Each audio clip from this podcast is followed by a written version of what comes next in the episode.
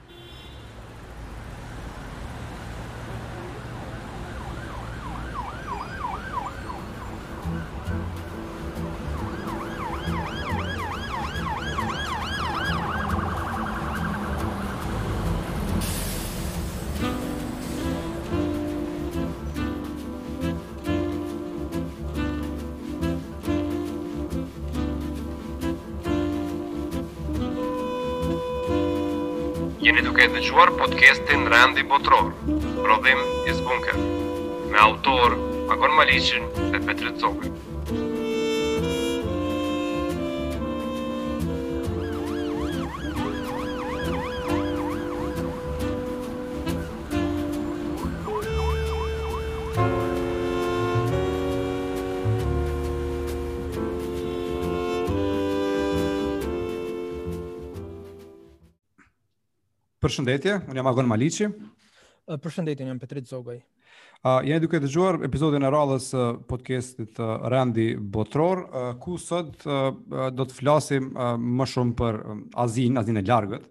Uh, po, si gjithmonë, uh, duke u kthy uh, me implikimet uh, uh, që i ka, domethënë që i kanë fuqitë e Azisë uh, edhe në Ballkan. Azia, do thotë, uh, e largët uh, për në Kosovë, domethënë, nuk diskutohet shumë për, për, për, për Kinën, për Japoninë, për, uh, uh, për, për gjitha ato, uh, domethënë, fuqitë e asaj pjese të botës, për shkak se nuk kanë qenë asnjëherë përcaktuese një farë forme për zhvillimet në Kosovë. Mirëpo, gjithë e dim që gjatë dy dekadave të fundit, ose edhe pak ma shumë,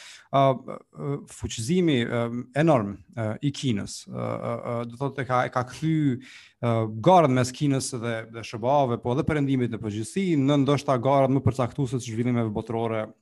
në domethënë qysh tani po padyshim edhe për për vitet dhe dekadat që vijnë. Ë dhe kjo padyshim ka ndikim të jashtëzakonshëm edhe në Kosovë, duke qenë se fokusi edhe i qendrave perëndimore sot është kryesisht te gara ekonomike, politike, por edhe ajo e sigurisë me Kinën. Uh, dhe duke qenë se uh, do thot uh, në Kosovë në Kosovë për shkak se nuk kemi marrë shumë me këto tema, kemi edhe mungesë të theksume të ekspertizës, do thot edhe njohurive uh, për atë pjesë të botës, sot e kemi uh, kënaqësinë dhe fatin ta kemi sot këtu me ne uh, ish, ish ambasadorin e Kosovës në uh, Tokio, në Japoni, Leon Malazogun. Leon, mirë se erdhe. Mirë se ju gjeta, faleminderit shumë. Ë, uh, do thot Leoni ka qenë uh, në në në, domethënë në, në Tokio uh, dhe prej atje do thot uh, uh, duke qenë edhe vet uh, njeri që është kështu studiues edhe një lexues i zhvillimeve i, i uh, domethënë i, i, i, i don i nivelit akademik do thotë po edhe kështu edhe praktikisht i i, i njeh shumë mirë problemet e gjithë asaj pjese uh, po edhe të, edhe politikën botërore në përgjithësi, uh, besoj që mund me na jap një farë lloj uh, perspektive interesante, ë uh, për shkak se siç thash ne kemi shumë pak njerëz që i njohin nga brenda uh, problemet e asaj pjese të botës. Dhe kisha filluar me fillim Leon me një pyetje kështu ma të përgjithshme, do thotë. ë uh, uh, nëse kishe mujt me na i uh, ravizu kështu për për, për dëgjues ato elementet kryesore uh, cilat janë mes në në garën në ose në rivalitetin gjeopolitik në andej në atë pjesë të botës, domethënë mes Kinës dhe dhe dhe, dhe vendeve të tjera, ta zojmë ato që janë më aleate të SHBA-ve si Japonia, Korea e Jugut. Edhe edhe qysh e sheh do thotë ti këtë këtë lloj tani e pamë së voni edhe administrata Biden në farë forme e rikonfirmoi një farë lloj atë aleancën me Indinë, Australinë dhe me Japoninë, ë uh, uh, Spirit of the Quad, që po e quajnë uh, për një farë forme për t'ju kundërvën Kinës, do të thotë fokusi kryesor është amerikan është te Kina. ë uh, uh, dhe a Japonia ku, ku ti ke qenë atje do thotë është është një farë lloj lojtari shumë i rëndësishëm. Cilat janë ato elementet kyçe të garës mes Kinës dhe Japonisë në atë pjesë të botës? Faleminderit Agon, kjo është të them të drejtën është temë që kërkon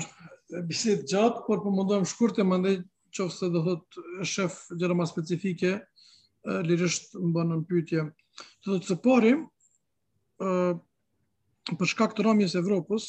nuk është më epiqendra e zhvillimeve botërore, nuk është në mes të SHBA-ve edhe Evropës. Do thot nuk është Atlantiku në një farë mënyre epiqendra e zhvillimeve të botës, por është Pacifiku. Do thot oqeani paqësor. Ë me SHBA-të në njërën anë dhe vendet tjera të Azisë në anën tjetër, dhe kjo për një fakt shumë të thjeshtë për shkak të rritjes ekonomike të Kinës. Do thot një një vend i cili ndoshta ka qenë prej më të varfërve në botë, tash do thot rritet që ka disa dekada me afër 10%. Do thot ka ndryshuar tërësisht ato llogarit përgjithësi gjeopolitike të botës, dhe nuk është vetëm Kina, këtu, para Kinës gjithashtu zhvillim të ngjashëm ka pasur edhe Korea, Tajvani, vendet tjera gjithashtu aziatike. Do të thotë ka qenë Japonia edhe para tyre, do të thotë Japonia ndoshta me do të thotë hovin e parë të rritjes të viteve 50-ta, 60-ta, 70-ta, pastaj këto vendet tjera, ndoshta një dekadë më vonë, edhe një dekadë pas tyre, pastaj Kina. Kështu që tani e kemi një rajon i cili do thot gjysma e rritjes së GDP-së në botë ndodh pikërisht në këtë pjesë të botës, gjysma e blerjeve ushtarake në botë ndodhin pikërisht nga këto shtete, kështu që në një farë mënyre de facto është zhvendosur tërë do thot vëmendja e zhvillimeve në këtë pjesë. Tani ka një rritje në rivalitet, edhe unë po i marr disa segmente. Ka do thot një është ë do thot rritja ekonomike e Kinës gjithashtu ka sjellë edhe një rritje ushtarake të Kinës dhe të për të cilën realisht është është e paqartë dhe akoma nuk nuk nuk dihet se sa shpenzon sepse nuk është shifër transparente, por do thot ushtria kineze ka pësuar një zhvillim të madh dhe tani duket se janë pak të gatshëm që të fillojnë të ndryshojnë në mënyrë më aktive status quo-n e atij rajoni. Do thot ka Kina një prani qoftë në Arktik, ka prani më të madhe në Oqeanin Paqësor, ka prani më të madhe në shtetet të të të oqeanit, sidomos ato të voglat, ku në disa prej tyre i ka bindur që të kthejnë njohjen nga Tajvani te Kina, ka, do të thotë, pranime të mëdha me projekte edhe zhvillimore, edhe me kredi, edhe me investime. ë dhe është duke është duke përdorur një taktikë dyfish, do të thotë pjesërisht duke përdorur edhe kërcënimin, edhe pjesërisht duke duke përdorur edhe joshjen. Dhe është gradualisht duke mësuar, në fillim kanë krijuar edhe armiq, por janë duke mësuar në njëfarë mënyre, do të thotë kinezët përdorin joshjen në mënyrë pak më të mirë. Fillim për shembull kishin bërë gabime duke futur dhe duke zhytur shumë shtete në kredi të thella, dhe ka pasur edhe reagim, për shembull Sri Lanka, Pakistan, Malajzi, kanë pasur pak edhe një hezitim për raporte të mëtutjeshme me Kinën, por e sa po koha po kalon, edhe kinezët po mësohen që do të thotë si të përfitojnë miq dhe përdorin të dy këto dy metoda.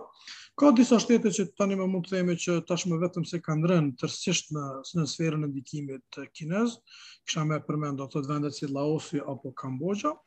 Edhe ka shumë vende tjera të cilat në njëfarë mënyre po mundohen që të mbajnë qëndrim do të thotë të hapur në te, në të dy anët. Këtu Japonia do të thotë është ekonomikisht ka interesa të mëdha te Kina, por mundohet që në të njëjtën kohë që të shërbejë si alternativë ndaj Kinës. Po kështu që është e pranishme në gjitha këto vende edhe me asistencë është janë më të mençur në asistencë, do të thotë ndihmat që i dërgojnë në këto vende janë më të qëlluara, nuk i zhysin këto vende në kredi dhe mundohen që për ato vende që që që nuk kanë alternativë tjetër, që së paku ta kenë një Japoninë si alternativë të Kinës, po e përmendi këtë tash tash së voni janë tërhequr në njëfarë mënyre gati se e kanë braktisur Kamboxhian edhe evropianët edhe amerikanët. Kanë parë që do thotë nuk po arrijnë asnjë gjë që të ndryshojnë ë me përfshirjen e tyre dhe gati se kanë hequr dorë nga do thotë nga nga shpresa që mund të ndryshojnë diçka, po japonezët vazhdojnë që të jenë aty të pranishëm. Tash të kalojmë do thotë nga kjo ekonomia dhe, usht, dhe nga rivaliteti ekonomik dhe ushtarak, po duam me kalu te do thotë sistemi qeverisës. Supozimi i perëndimit në fillim ka qenë që t'i hapen dyert Kinës që të jetë pjesë e tregjeve ndërkombëtare, dhe se ka nëse përderisa Kina thotë merr kapitalizmin si pjesë të sistemit të saj, domosdo kjo do të rezultojë edhe me demokratizim. Që ka qenë do të thot një një supozim i gabuar dhe në njëfarë mënyre përmend do të thotë edhe këtë aspektin teorik i ka përmbysur gjitha teoritë e mëhershme sepse se vetëm me demokraci mund të funksionojë kapitalizmi. Ë Do thotë Kina ka shpikur një sistem të ri, i cili përdor një farlloj kapitalizm të kontrolluar nga shteti, në fakt, jo vetëm që nuk e merr demokratizimi, por edhe ato përparimet të vogla që ishin bërë në liritë individuale, i ka kthy mrapsht. Është kthy në dy, do të thotë, dy kërcënime. Një, kërcënimi një vendit që tanimë pak a shumë e dim që nuk do të bëhet demokratik asnjëherë, së paku tani për aq sa mund të parashohim në këtë moment, dhe e dyta, gatishmëria e tyre për ta eksportuar këtë, ose që të shërbejë si shembull. Çka du të them? qoftë se kur ka ndodh revolucioni në vendet si Gjeorgji apo Ukrainë, dihej automatikisht dihej se në çfarë drejtimi do të shkojnë. Do menjëherë fillonin teoreticienët dhe analistët me diskutu kur do të bëhen zgjedhjet e para etj etj. Kur ndodhi kolapsi në Kubë, uh, ndodhi më vonë, do të thotë në këtë kohë vetëm se Kina shihej si model, tani vendet si Kuba do të thotë nuk e kanë automatikisht që kolapsi shkon në drejtim të të një sistemit demokratik çfarëdo që të është ai, por ka modele tjera do të thotë si ai kinez dhe pikërisht ky është modeli që tani Kuba po e përcjell, edhe gjithashtu ka edhe vende të tjera që po e shikojnë. Kjo është një lloj eksporti i modelit kinez. Eksporti i dytë që është që tani do thotë me të ardhurat e mëdha që ka Kina dhe me arritjet teknologjike që ka bërë, po fillon të eksportojë do thotë edhe sistemin uh, për të kontrolluar mediat, uh, kamera do thotë që identifikojnë fytyrat e njerëzve, të cilat ndoshta në vende tjera nuk do të ishin aq kontroverze, por kur të bëhen nga një vend që nuk është fare demokratik, atëherë kjo rrit disa disa dyshime shumë të mëdha. Kështu që në këtë aspekt do thot nuk është Kina në tanimë vetëm në fakt më nuk është fare rival i Japonisë dhe nuk është as fare rival do të thot specifikisht i SHBA-ve. Sa tani është Kina është duke rivalizuar dhe duke sfiduar tërësisht rendin rendin botëror. Ashtu atë liberal i cili nga i cili nifar mënyre ka fitu, ka përfituar Kosova shumë. Leon shumë faleminderit për këtë përmbledhje të të shkëlqyeshme, do thotë të të do thotë të se unë e nisa me Japoninë dhe vendet aziatike, po në fakt problemi është është shumë më i gjerë dhe është është botëror. Pra ky Kina po bëhet faktor përveç i sigurisë, do thotë një farë po e po e sfidon gjithë rendin edhe dhe sigurisë në në në Azi, në njëjtën kohë bëhet edhe edhe konkurrent i vlerave, në farë forme si eksportues, uh, qoftë i modelit apo edhe sponsor i i regjimeve, uh, domethënë në farë forme uh, uh, autokratike. Uh, gjatë dekadës së fundit ka pas do thotë qysh prej kohës Obama nifar forme fokusi amerikan ka qenë uh, në uh, drejt Azisë, domethënë me atë pivot to Asia, uh, domethënë qasjen e administratës së Obamës, e cila në një farë forme u synoi me u konkretizu me atë marrëveshjen e tregtisë së lirë me vendet rreth Kinës, domethënë me i lidhë ekonomitë e tyre më shumë me SHBA, por në fund ajo marrëveshje nuk kaloi dhe dështoi. Në administratën Trump mandej keni çështje tjetër, më kështu më e ashpër, e drejtpërdrejtë, bilaterale. ë uh, qysh i ki pa ti këto këta aleat tradicional të SHBA-ve, do thotë ti kishin gjatë kësaj kohe në në Japoni, do thotë Japonia, Korea e Jugut, gjithë këta që do thotë kanë qenë shtetet që janë zhvillu ma herët, do të thotë këta tigrat aziatik që janë zhvillim i viteve 70, 80, uh, kanë pas një farloj, uh, domethënë, një farloj fuqie mbi gjithë atë pjesë të botës, uh, dhe tash janë në një farë forme të ndihen edhe si të kërcënum, edhe nga aspekti i sigurisë, po edhe i vlerave, duke qenë këto demokraci. Uh, si e sheh tash ti reagimin e tyre, domethënë, në, në këtë tash masi ka ardhë administrata Biden, për shembull, dhe përpjekjen e re të tretë, ta ta qujmë të radhës, mas Obamës, Trumpit, uh, me e sfidu Kinën, a kanë me qenë, uh, domethënë a i sheh si uh, si bosht, si krijim i ndonjë lloj boshti apo kanë me u mundu edhe ato me majtë një farloj balance me Kinën duke qenë se është ajo është aq e fuqishme dhe aq e madhe në atë pjesë të botës sa është e vështirë me u konfrontu me to. E ke bërë një pyetje, pyetje shumë mirë. Do thotë kështu, së pari duhet me e kuptu një pjesë e madhe e vendeve, vendeve atje dëshirojnë që ta ruajnë një farloj statusi të neutralitetit. Edhe nëse në, në të vërtet anojnë dhe kanë simpati ndoshta nga perëndimi, e shohin Kinën si kërcënim, ë uh, nuk kanë shumë situatë që haptazi ta thonë këtë. Ë uh, të ta zëmë një shem një, një vend i cili është haptazi me perëndimin, uh, Australia, dhe është njëra ndoshta prej boshteve uh, të cilën të cilën në të cilat llogaritet për të kufizuar, si thënë, ndikimin e Kinës, po ka vështirësi shumë të mëdha. Tash të, do të thotë për shkak të kundërshtimeve të hapta që ja bën Australia, uh, Kinës, ka ndaluar importimin importin e thëngjillit nga Australia, ka ndaluar importin e verës, dhe shumë produkteve të ndryshme të cilat realisht tani Australia ka problem të madh ekonomik për shkak të kësaj.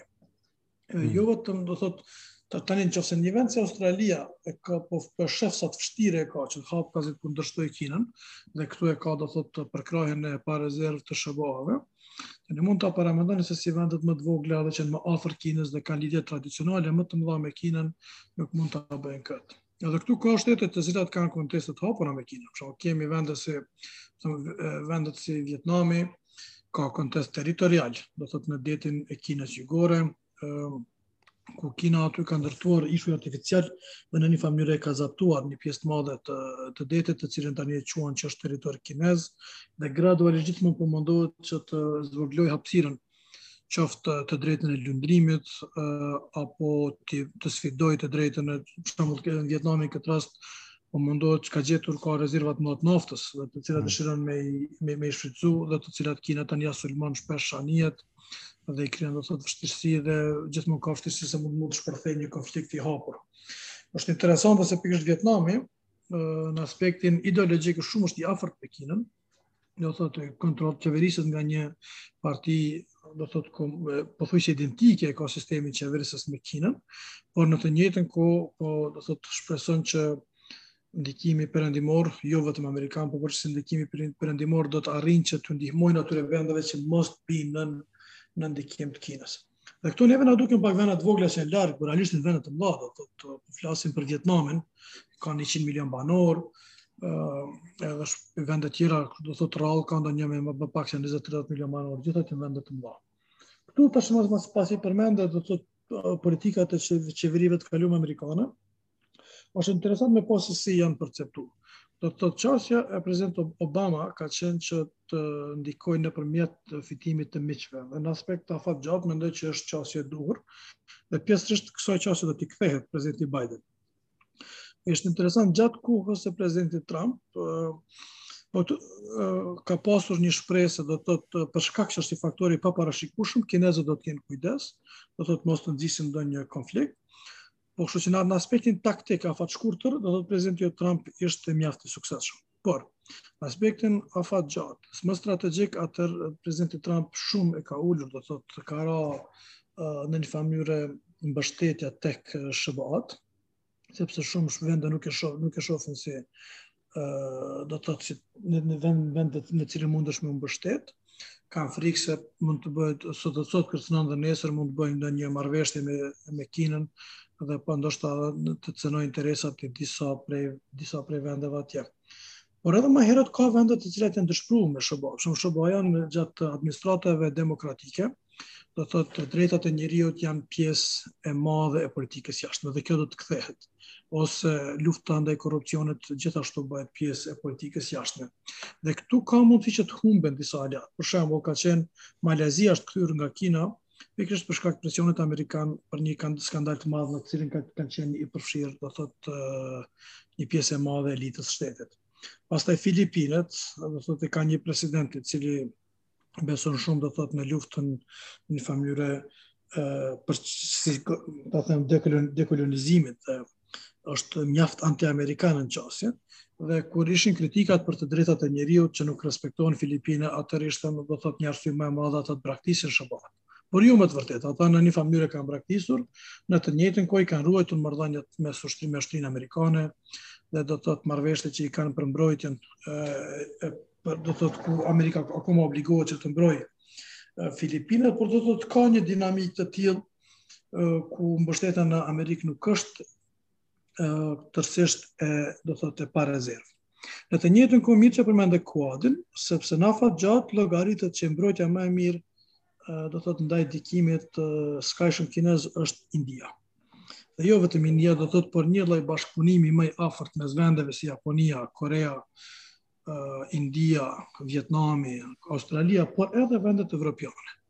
Mund ta keni vërejtur që do të thotë 6 muajt e fundit, Franca ka dërguar sërish si më parë, do të ka dërguar ushtrinë e vet që të patrollojë detin e Kinës Jugore, tani ka shpeshtuar, do të thotë edhe anijet edhe Anglia, për herë të parë ka dërguar anije në atë zonë ushtarake, po flas Gjermania, Kështu që ka një prani edhe pikërisht këtu ndodhen gjatë administratës Trump. Do të thotë përfshi edhe edhe japonezët, kanë pasur hezitime të mëdha për përkushtimin amerikan, do të thotë për paktin e mbrojtjes me Japoninë dhe gjatë administratës Trump filluan të zhvillojnë do të thotë raporte më të afërta me evropianët. Në këtë kohë u bë pakti për tregti të lirë mes Japonisë dhe Evropës, por edhe filluan disa bashkëpunime më të thella edhe në, në aspektin ushtarak, Dhe tani që Amerika është kthyer, tani edhe këto do të thotë është është një lloj përforcimi.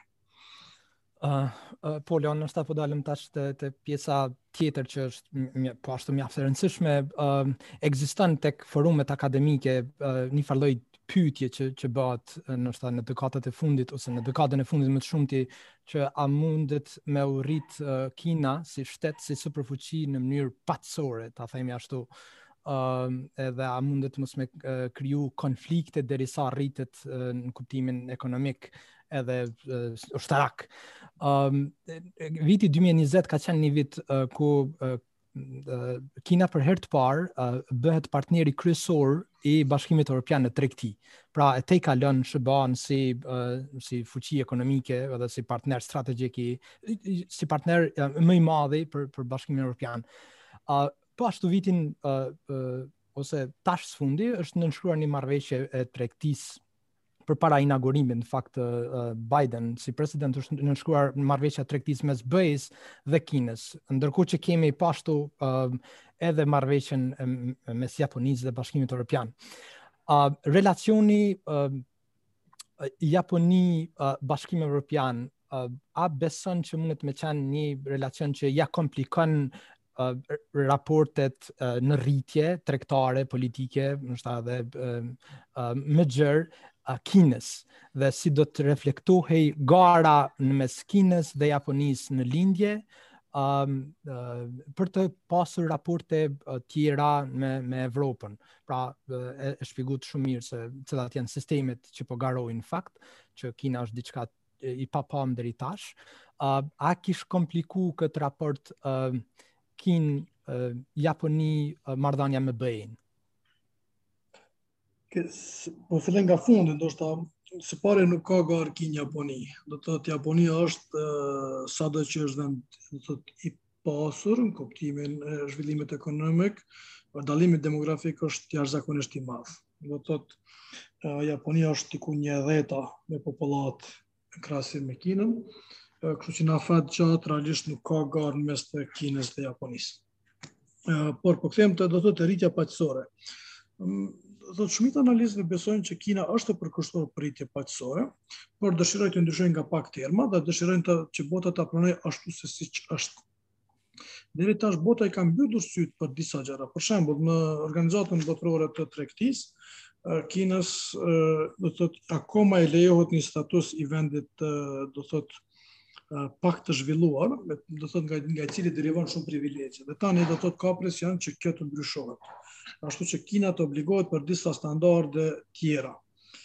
Pastaj nga nga Kina gjithashtu ka ka filluar me thënë një presion që të bëjë më tepër për ambientin. Mirëpo çka është më me rëndësi që të theksohet është se Kina më nuk shifet si vetëm si partner ekonomik. Edhe pse Kina është partneri kryesor ekonomik, Tani Kina është ka filluar të shifet se një si një do të thotë rival shumë më serioz se sa Rusia.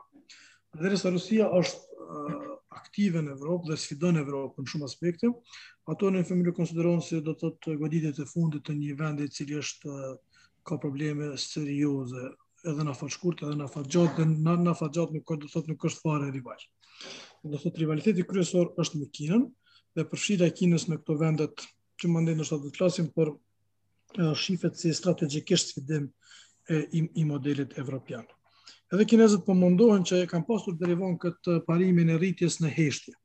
Do të thotë ku dëshiron të fuqizohen, po mos të duket si vend i fuqishëm, ashtu që mos të tërheqë vëmendje. Tani, do thot viteve të fundit, po uh, përmendet do thot diplomacia e, si them Wolf Warrior, do thot luftëtarit ujk, uh, me cilën mirë uh, më të po godet vendet tjera, po kritikon më tepër do thot Kina ka, do thot ka një postur, ka një qëndrim shumë agresiv tani. Por mund të vëreni kjo tash ka disa reagime, për shembull në Çeki, kohëve të fundit nga Çekia ka qenë tani vonë para disa muajve një delegacion që kanë shkuar 80 deputet qoftë se qoftë se s'e kam harruar mirë numrin, do thot në Tajvan. Do të ka qenë pikërisht si reagim ndaj disa prej presioneve të cilat Kina është munduar t'i t'i t'i përdor. Kështu që sa më agresive që të bëhet Kina në një far mënyre aq më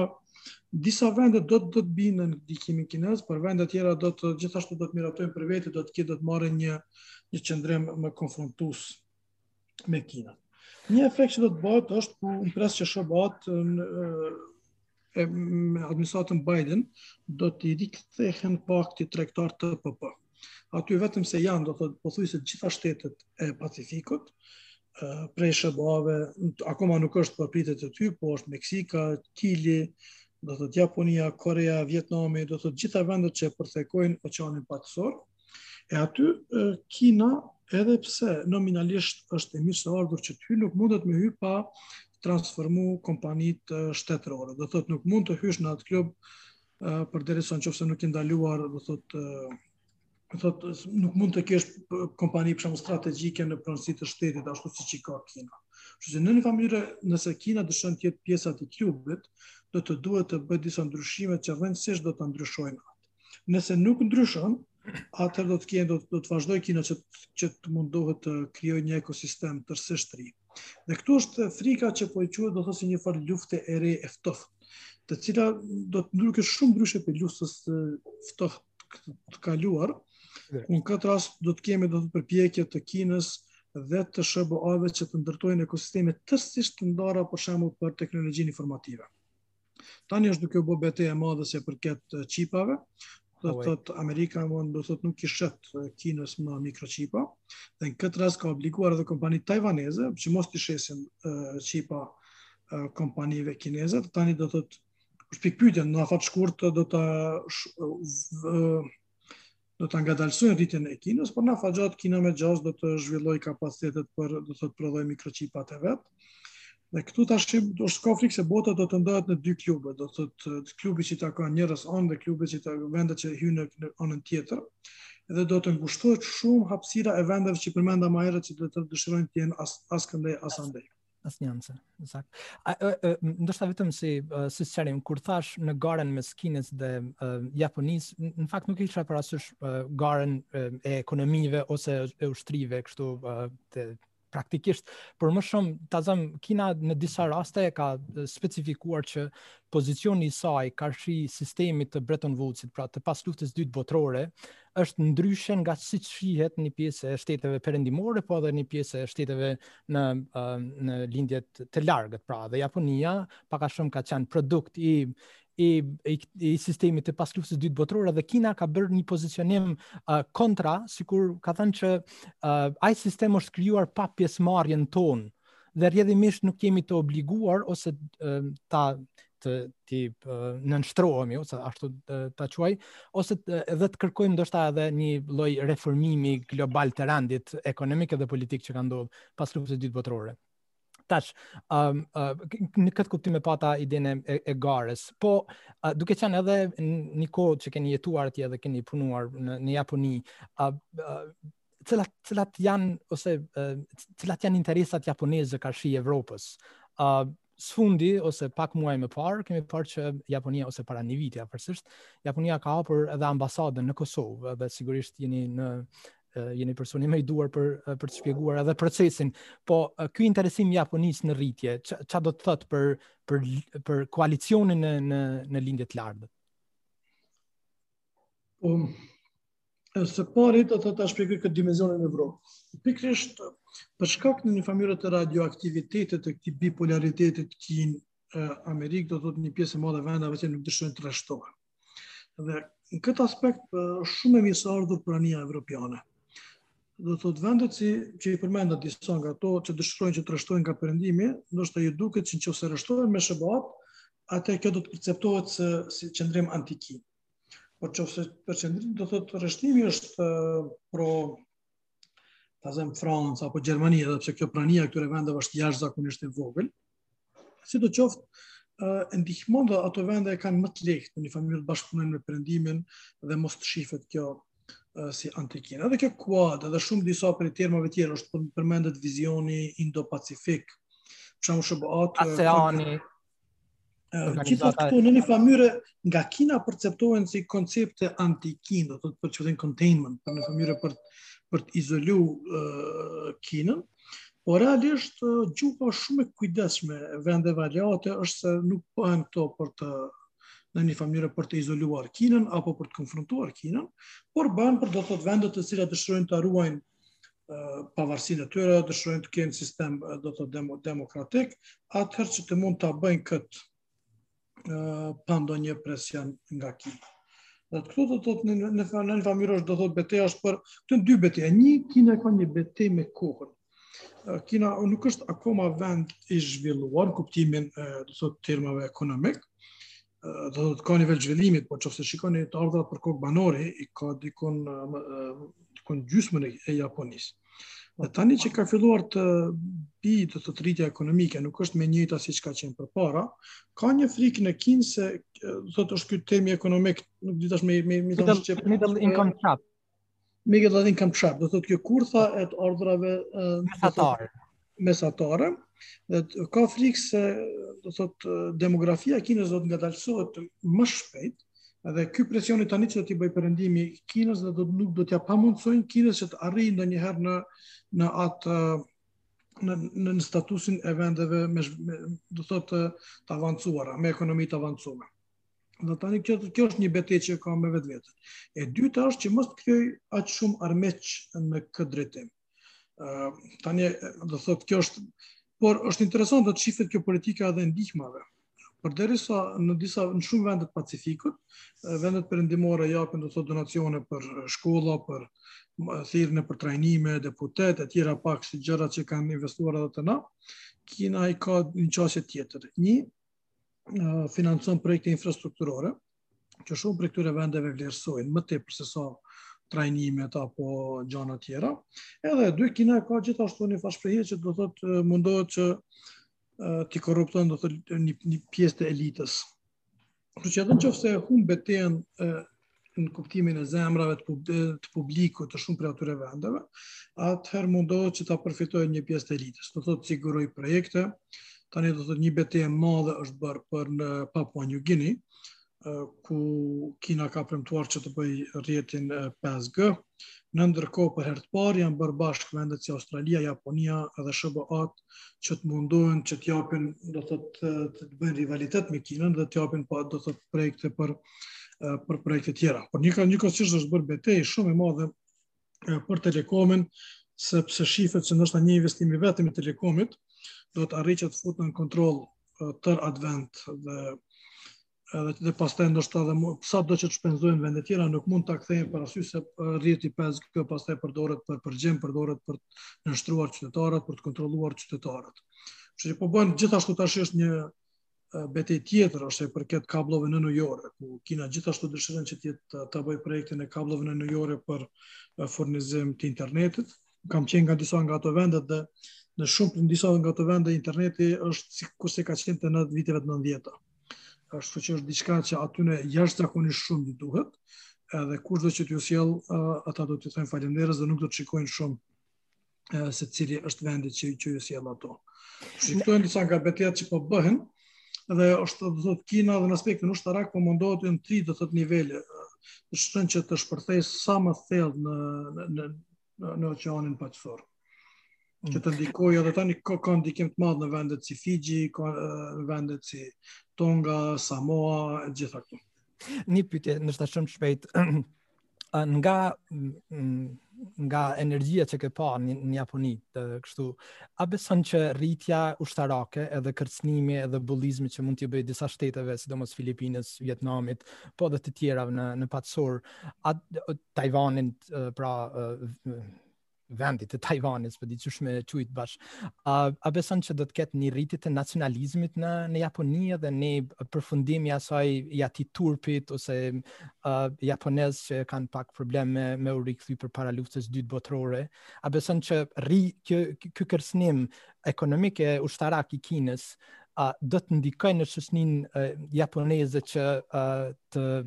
uh, të shpërthejnë në kuptimin që e para punës të jenë më shumë aktiv ushtarakisht, të investojnë shumë më shumë në ushtri, ose edhe një ditë të, të mendohet për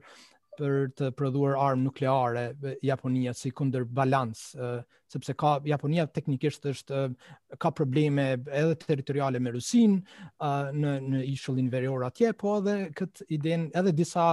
konteste të, të ishujve edhe me Kinën.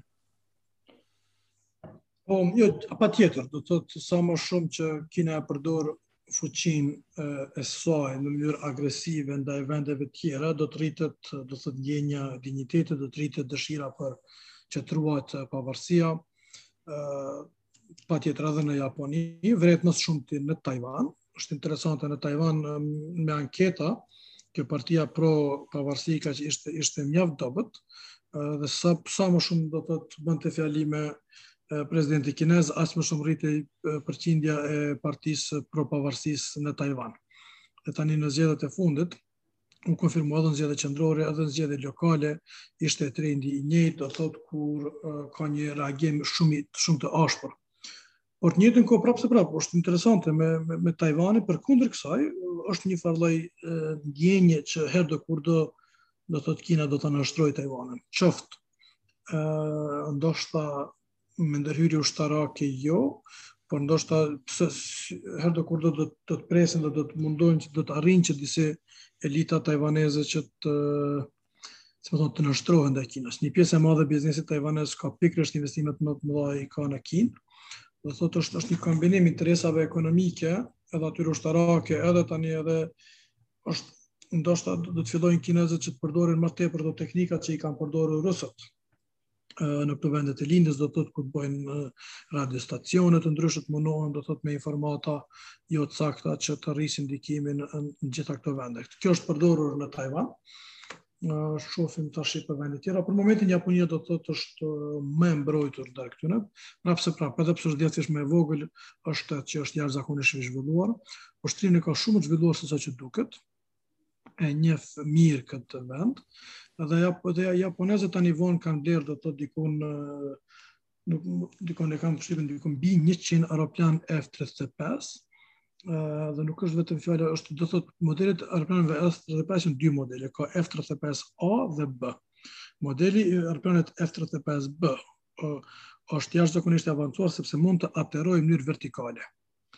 Dhe tash Japonia ka një kufizim, do të thotë ku ku armatimin e ka të natyrës defensive, që në këtë rast do të thotë që nuk mund të ketë aeroplanbartëse, do të thotë kjo konsiderohet si lloj armatimi ofensiv, por Japonia do thotë ka investuar në që i thonë helikopterbartëse, por në të njëjtën kohë tani aeroplanët që do të marrin F-35B mund të aterojnë dhe të nisen prej këtyre helikopterbartësve. Kështu që realisht në mënyrë të heshtur Japonia është duke zhvilluar ushtrinë e vet sigurisht në për, në përgatitje që të jetë e mbrojtur ndaj çfarëdo ideve që mund të kenë fqinjët e tyre dhe këtu e ka përkrahjen e perëndimit. Do thotë në Japoni më shumë është ai turpi është i brendshëm dhe ka parti që akoma e kanë atë qasjen e pacifizmit, Atë ka i marrë, që, por e kanë shumë vështirë që ta mbrojnë këtë ide, kur shifet se Kina sesa shumë po zhvillohet. Kështu që krahu do të thotë i djathtë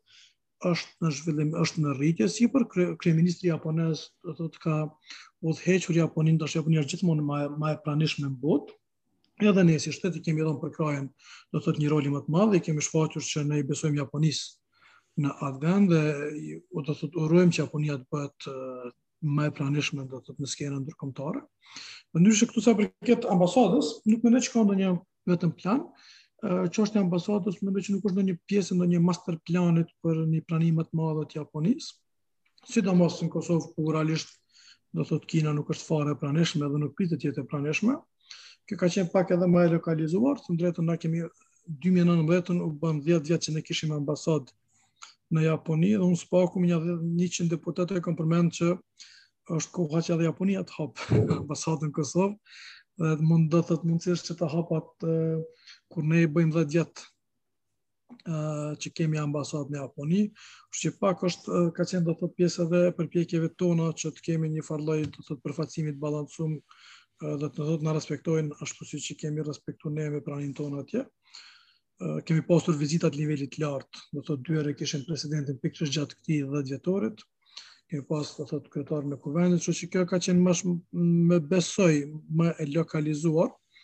por do të thotë ka një plan për prani më të madhe të Japonisë. ë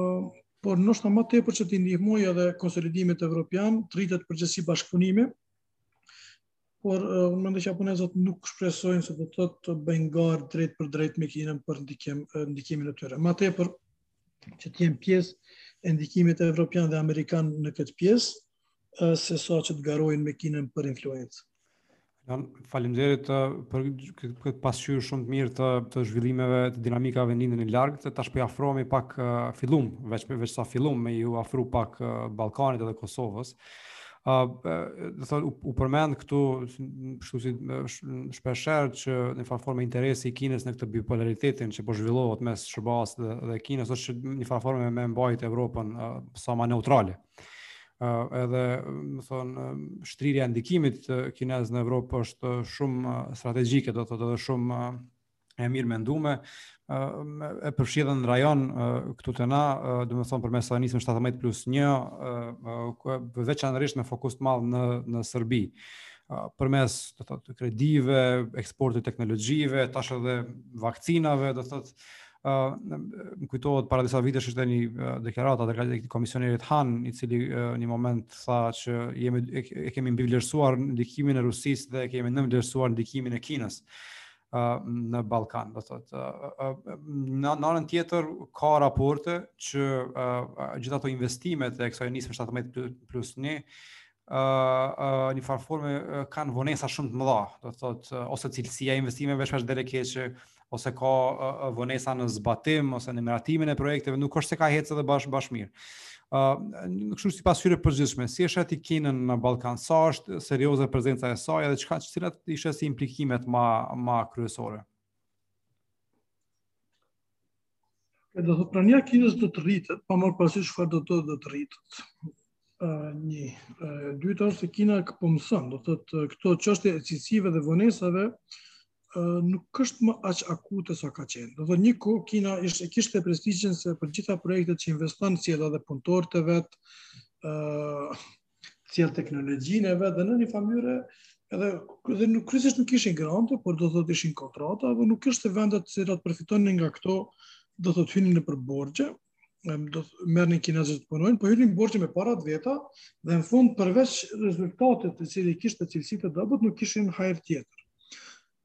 Tani, do të thotë, Kina më nuk e ka atë fuqinë e lirë punëtore siç e ka pasur. Tani, dhe shumë investitorë në fakt, për po ikin nga Kina, për po shkojnë për vende si Vietnami, sepse fuqia punëtore është më e lirë. edhe po konsiderohet tani prej kohës së Trumpit po konsiderohet më stabile në aspektin gjeopolitik, kështu që shumë investitorë nuk janë më duke shikuar tek Kina. Por edhe vetë Kina tash pasi pasi që s'ka më do të thotë fuqi të lirë punëtore, nuk po sjell punëtorë të vet, po po merr punëtorët vendorë, cilësinë e ka rritur, do thotë gjitha këto disa nga ato telashet me imazhin e investimeve kineze nuk janë më. Tani ka mbetur do thotë çështja e kredive, e shumë vende frikësohen, do thotë Kina ka treguar që është e pamëshirshme në disa raste, për shembull kur Shri Lanka nuk ka arritur që të kthejë një pjesë të borxhit, Kina ka ka marrë njërin nga do thot portet kryesore në Sri Lanka, që është konsideruar edhe gjeostrategjikisht shumë kërcënim i madh për Indinë. Ëh është sepse ky port si shumë projekte tjera kanë qenë janë pjesë të dy do thot rrugëve, do thot ndoshta së shpejti po flitet për tri rrugë. Do thot ka qenë rruga tradicionale e Mëndafshit, e cila është toksore, por është edhe do thot kanali i detit, edhe ai nëpërmjet do thot Arktikut. që planifikon do thot Kina ta shfrytëzojë për të rritur ndikimin e vet nëpërmjet produkteve dhe ekonomisë. Tani, ndikimi tyre është, është shumë i madh, për, përveç atyre që ka folëm, është sa i përket edhe bashkëpunimit me Rusinë. Deri vonë, në perëndim është mendu që Rusia e sheh Kinën si rival strategjik, do thot kanë pasur vetë vështirësi territoriale në mes të dy vendeve, do thot edhe konteste, Gjithashtu, rusët frikësohen shumë prej ndikimit kinez do thot në do thot në pjesën jugore të Siberisë, do thot afër kufinit kinez, ku në disa nga ato vendet ka më tepër punëtorë kinezë, sesa që ka banorë rusë, dhe në afat të gjatë për shkak të demografisë së ulët ruse, ata do thot supozimi është se Kina është kërcënim, por del se nuk është edhe aq thjesht. Do thotë rusët tani në në ballafaqimin me perëndimin, janë nën nën sanksione të mëdha nga perëndimi, kanë bashkuar forcat me Kinën dhe tani si dy shtete që punojnë bashkë, kërcënimi është jashtëzakonisht më i madh. Këtu du me përmend shkurt, do të thotë qasjen e Japonisë, Japonezët e kanë parë, kanë parë këtë rivalitet si kërcënim shumë më shumë se vendet tjera. Do të thotë Japonia, edhe pse me Kinën, me Kinën kanë rivalitet dhe kanë madje një ishull për të cilin kanë kontest territorial, por me Rusinë kontest, kontestin territorial e kanë edhe më të madh. Do thot flitet për katër ishuj, të cilat Rusia i ka okupuar në fund të luftës së dytë botërore, dhe Japonia me Rusinë nuk kanë fare traktat të paqes, si rezultat i kësaj. E për Japoninë një përafrim i madh mes Rusisë dhe Kinës është kërcënim jashtëzakonisht serioz në mënyrë që nuk është për asnjë vend tjetër. Kështu që japonezët do thot kër, kërkojnë edhe mirëkuptim nga perëndimi dhe kur ishin këto raste të kas, sanksioneve ndaj Rusisë, Japonia kishte sanksionet më të dobëta nga gjithë vendet perëndimore. Por në rastin e Skripal, kur pothuajse gjithë bota perëndimore dëbuan diplomatë rusë, Japonia nuk ka dëbu asnjë diplomat rus për shkak të këtij rasti. Do të thotë për japonezët do mundohen me çdo kusht që t'i japin në njëfarë mënyre lloj rruge Rusisë që mos ta ketë për afrimin me Kinën të vetmen të të vetmen alternativë. Tash po kthehemi prapë njëherë te rajoni. Tash po investimet kineze kanë filluar të marrin përmasa më brengosëse. Që pikërisht këto ditët e fundit është, është bërë më serioze këto idetë për kanalin Vardar Danub. Do të thotë kompanitë kineze, një pjesë e tyre që janë edhe në pronësi të shtetit, kanë blerë portin e Athinës, kanë blerë portin e Selanikut, kanë do të thotë janë duke bërë blerje të mëdha të infrastrukturës, kanë fituar hekurudhën në Budapest, Beograd, e cila tani për tani është ndalur për shkak që ka disa probleme me prokurimin dhe rregullat e BE-së për prokurim. Por tani po përmendet do të thotë edhe kanali Beograd Danub. Më fal, Vardar Danub. do të thotë ndikimi do mund, mund të rritet shumëfish. Dhe vaksinat është, tani keni parë sigurisht lajmet se si Kina planifikon që në fakt të prodhojë vaksinat në Serbi. Po. Dhe sa më shumë të rritet, do të thotë skandali në BE për menaxhimin ose mosmenaxhim, keqmenaxhimin evropian të vaksinave, aq më shumë do të do të rritet presioni që të pranohen këto vaksina si legjitime, të përfshihen në atë listën e atë pasaportën e gjelbër për udhëtim për brenda Evropës, dhe nëse kjo ndodh dhe për Kosovën, do të jetë një kërcënim jashtëzakonisht i madh, sepse ndikimi i Serbisë do të dhjetëfishohet, vende të tjera do të thotë në shkëmbim të vaksinave që aq shumë, të, aq, aq shumë i duhen gjithë botës, mund të jenë të gatshme të bëjnë çfarëdo që Serbia u kërkon sa i përket ndikimit të tyre në politikë të jashtme. Interesant, do të thotë kjo infrastruktura kineze që po ndërtohet, do të thotë dhe Kina është parë pak a shumë e thashë ma herët ma pak kërcënim se Rusia për shkak se e ka pas, domethënë, ka qenë ma pak e zhurmshme. Mirëpo infrastrukturën të cilën është duke e shtrirë në rajon është shumë ma afatgjate edhe përbën, domethënë, që në një moment të caktum mundet me u bo problem edhe i sigurisë. Ti tash e përmende për shembull që fuqizimin e Serbisë në rast konkret, ë që pastaj përkthehet në problem të madh të sigurisë apo eksportin e teknologjive, domethënë të, të të ndryshme që mujn me rreziku infrastrukturën kritike, jo vetëm në Serbi, ë po po po në gjithë rajonin. Uh, si i ke pa këto për shembull përpjekjet, domethënë ka qenë kanë qenë përpjekje të mëdha, sidomos gjatë viteve të administratës Trump, domethënë përmes DFC-së dhe këto domethënë me me i zavendësu këto investimet kineze apo edhe BE-ja, domethënë apo apo apo po, po duken pak si të pamjaftueshme uh, për me edhe edhe jo edhe aq efektive ndoshta ma të ngadalta uh, për me uh, për me e për me përmbys këtë far uh, uh, uh, vërsuljen kineze. Po, mendoj që perëndimi është akoma shumë ma i fuqishëm se sa Kina, dhe shumica nga këto vende shumë më tepër do të zgjedhin do thotë projektet nga perëndimi se sa projektet nga Kina ose po vetë trendi, trendi të dyja. Ma shumë është pyetja për trendin.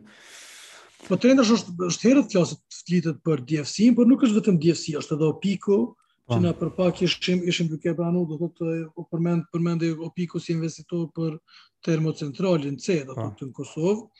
uh, OPIC-u është pikërisht unë më karon fakt kam ba takime sa i përket lidhje me OPIC-un edhe pikërisht për termocentralin tonë se isha në Japoni, do thotë OPIC-u është ndërtuar si pararance e, e DFC-s pikërisht për këtë me këtë qëllim, që mes tjera është do thotë mos të jetë Kina si i vetmi burim, ma, edhe më tepër të izolohet pak Kina. Mm -hmm. të, të, të shtyhet pak për muri sa i përket dhe ka dhe ka dëshmi tjera, unë i kam pa në disa vende tjera, për shembull pikërisht ato që përmenda ato vendet e Pacifikut. Edhe do thot kur vendet si Australia tani kanë rritur shumëfish asistencën për ato vende, jo vetëm Australia, por edhe edhe shumë edhe Japonia dhe kanë filluar të ndryshojnë do thot natyrën e projekteve. Nuk janë vetëm projekte më për decentralizim apo për demokratizim apo për gjëra të tilla, por tani ka gjithmonë më tepër mjete edhe për investime infrastrukturore. Në të njëjtën kohë është pak dilemë, sepse tash i ka disa vende atje të cilat perceptohen ë që dëshojnë të jetojnë tërësisht do thotë nga investimet dhe të shfrytëzojnë pak rolin gjeostrategjik. Me fjalë tjera, nëse neve perëndimi nuk na jep para, i shkojmë te Kina, në njëfarë mënyre do thotë mos përpiqen shumë për për që të zhvillohen vetë dhe kjo është vështirë të kalojë pak tek tek vendet perëndimore dhe kam përshtypjen që disa nga nga këto vende përgjigja që u jipet nga perëndimi është se shikoni ne do t'ju ndihmojmë por qoftë se mendoni që do të jetoni vetëm nga ndihmat e keni gabim. Nëse dëshironi ju lojmë keni të kaloni në ndihmë. Do thotë nuk janë mesazhe direkte, por do të thotë në mënyrë indirekte, nuk e pranojnë shantazhin në njëfarë forme. Nuk e nuk nuk dëshojnë të shantazhohen, edhe mendoj që kjo është mirë, edhe edhe tek Serbia, edhe ato vende, nëse unë mendoj që thellësisht që Serbia nuk dëshiron të jetë pjesë e orbitës kineze, edhe pse është tash është është shikoni tash në Serbi për shembull kanë filluar në Beograd të instalojnë kamera uh, me këtë face recognition do thot uh, tipare. Huawei. Uh, nga Huawei ato tani të paktën nxit nëse me të vërtetë Serbia është e përkushtuar sepse këtu janë disa gjëra që janë tërësisht jo kompatibile me projektin e integrimit evropian. Nuk është që vetëm se hatë mund mund të heqësh më vonë. Unë të them të drejtën këtu personalisht kam dilema të mëdha nëse Serbia është e përkushtuar. E di që është konsiderohet informatë e, e pakontestuar se Serbia dëshiron të, t'i bashkohet Bashkimit Evropian, por kur shoh instanca të tilla më shtyn të mendoj që ndoshta mund të jetë edhe kundërta, ku do thotë ku nuk është interesuar që të integrohet në Bashkimin Evropian. Në vendet jashtëzakonisht të vogla dhe shumë të korruptuara, do thot me, me do thot me ndikim të pak lider që mund të jetë edhe lloj korrupsioni, atër edhe mund të do thot mund të bëhen projekte të cilat strategjikisht e ndryshojnë kahjen edhe ardhmërinë e një vendi. Leon, një çështje që uh, deshtëm si në fund ta diskutojmë është Kosova, uh, siç uh, e dimë, është, uh, është një përpjekje në përpjekje në këto 12-13 vite për të siguruar njëfarë lloj uh, sovraniteti ose njëfarë lloj pranueshmërie ndërkombëtare. Nëse shohim Azinë uh, tre ose katër shtetet më të mëdhaja në atë pjesë nëse përfshijmë edhe Rusinë është që nuk e kundërshtojnë pavarësinë e Kosovës, pra Kina, India, Rusia nëse marrim atë pjesë ose se edhe Indonezia. Um, uh, cilat janë gjasat që Kosova ta shtrijë pak uh, prezencën e saj në shtetet ose a, a mund a konsideron që me një politikë ndryshe të jashtme të Kosovës me një bashkërendim me të tjerë akterë tjerë ndërkombëtarë, Kosova mund të jetë prezente dhe mund të pranohet nga shtete të mëdha në në gjithë këtë garën e madhe që që po ndodh tash mes Perëndimit dhe Kinës dhe ose edhe Azisë në përgjithësi. Pra, a mund a mund të kemi një një lloj politike ndryshe ta zëmë të Indisë në raport me Kosovën, të Indonezisë,